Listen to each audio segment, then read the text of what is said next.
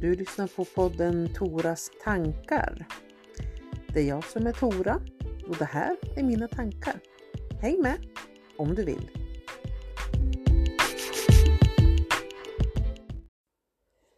Det finns ganska många praktiska exempel på hur gammalt inte får plats när nytt ska in.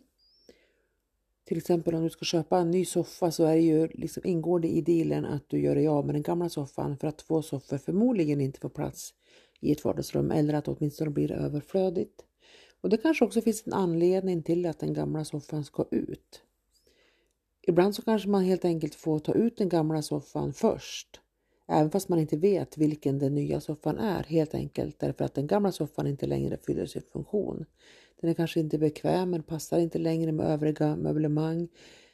Eller att den helt enkelt är så nedsutten så att det gör ont att sitta i den. En kanske knepig metafor, men vi ska också prata om skadedjur och dåligt umgänge. Häng med!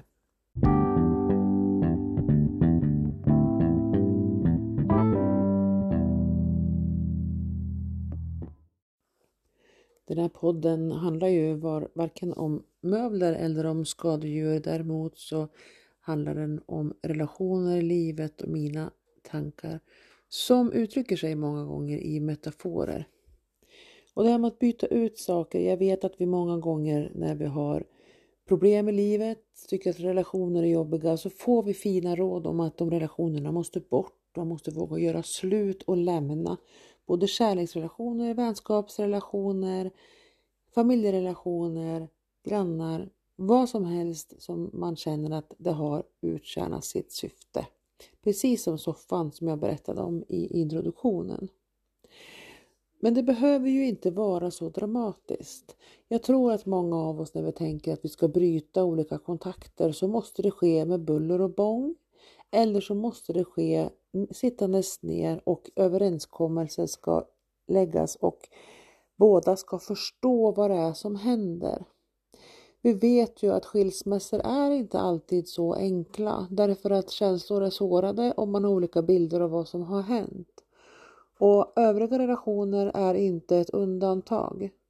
Låt säga att du har en vän som du upptäcker att du har vuxit ifrån eller att ni har ett sätt att vara tillsammans båda två som du upptäcker att det här tjänar inte längre mig. De situationerna är ju väldigt lätta att identifiera om det involverar någon form av skadligt beteende. Att man, man eh, nyttjar droger eller man har andra beteenden som när man gör det så är det när man är tillsammans. Då är det ganska enkelt att bryta. Men det finns många beteenden som kan vara negativa för oss utan att de är så påtagligt skadliga för någon annan. Det behöver inte betyda att den andra personen är en dålig person, men det kan handla om att jag har blivit känsligare. Jag har upptäckt i mig själv att jag behöver ha en annan inriktning i mitt liv. Det kanske har fyllt sin funktion färdigt att fara fram på stadens alla nattklubbar. Jag kanske behöver någonting annat. Det kanske har fyllt sin funktion av gemenskap att sitta och prata skit. Men jag behöver nu någonting annat.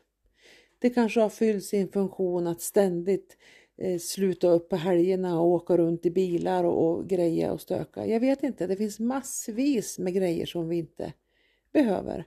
Eller så har jag helt enkelt upptäckt att den jargong vi har haft gör mig ledsen. Jag kanske har försökt och fått oss att sluta. Jag kanske har tagit min del av den och sagt jag tycker inte att det här är kul längre. Det här passar inte. Jag har vuxit ur den här kostymen. Men kanske har din vän inte gjort det. Kanske blir det du säger bara ytterligare ett skämt. Att du når inte fram. Oavsett hur det är så behöver det inte vara så dramatiskt att bryta mönster.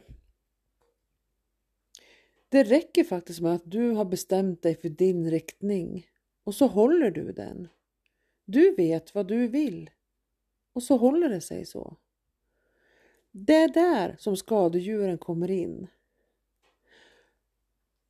Om du inte vill ha myror på din köksbänk, vad gör du då?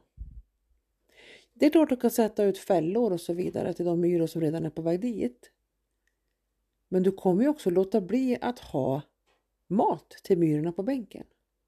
Eller hur? Om du inte vill ha fiskmåsar utanför ditt hus så kommer du inte att ställa ut soporna där om det är ett problem. Du ser helt enkelt till att skapa en miljö som är bra för dig men som inte är gynnsam för skadedjuren. Så småningom så kommer de att välja att gå någonstans där de trivs bättre. Och detsamma kan också gälla de relationer som inte längre är bra för dig. Det betyder inte att du ska skapa en jobbig miljö för någon annan. Jag tror nämligen att om jag har bestämt mig för att mitt sätt att umgås inte längre handlar om krog och alkohol så räcker det med att jag slutar dricka och tacka nej till krogen. Så småningom så kommer man att sluta dra i mig.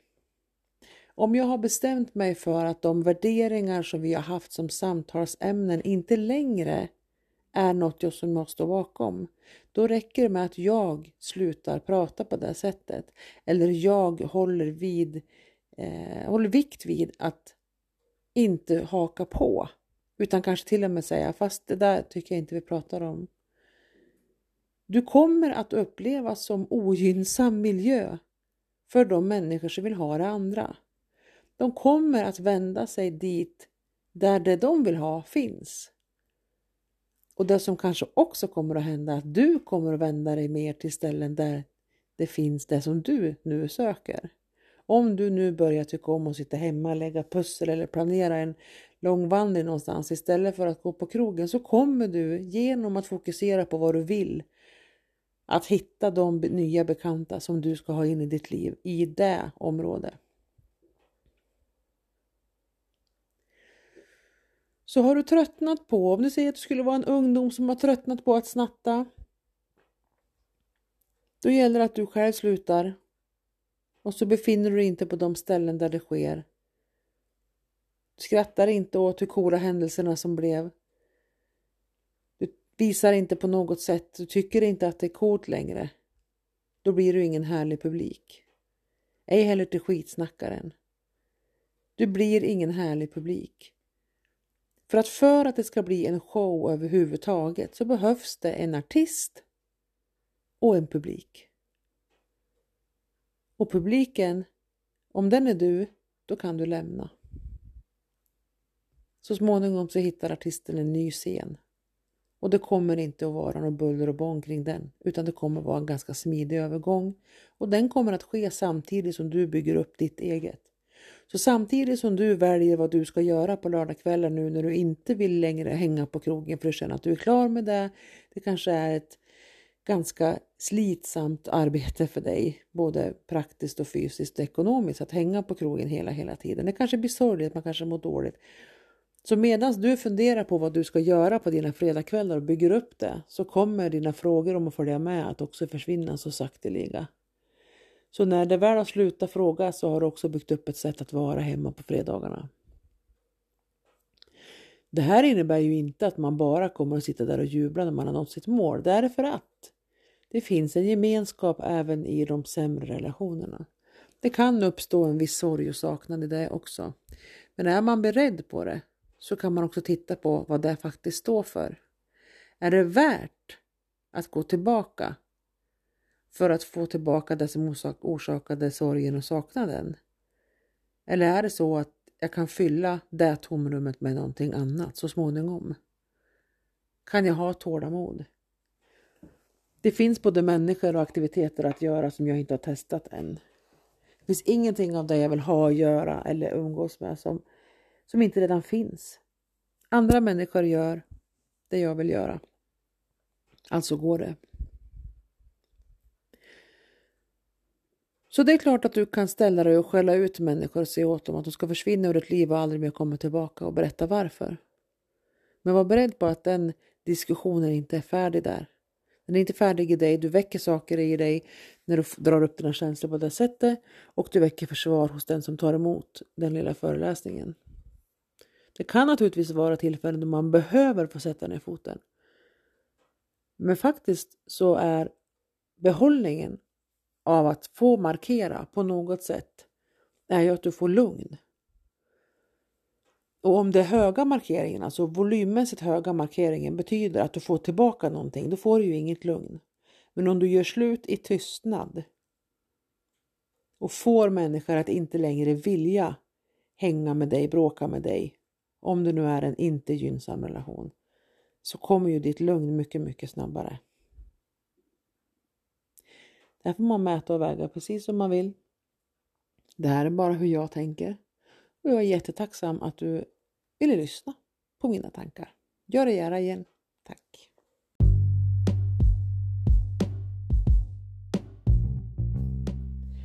Du har lyssnat på podden Toras tankar. Det är jag som är Tora och det här var mina tankar idag. Tack för att du var med mig.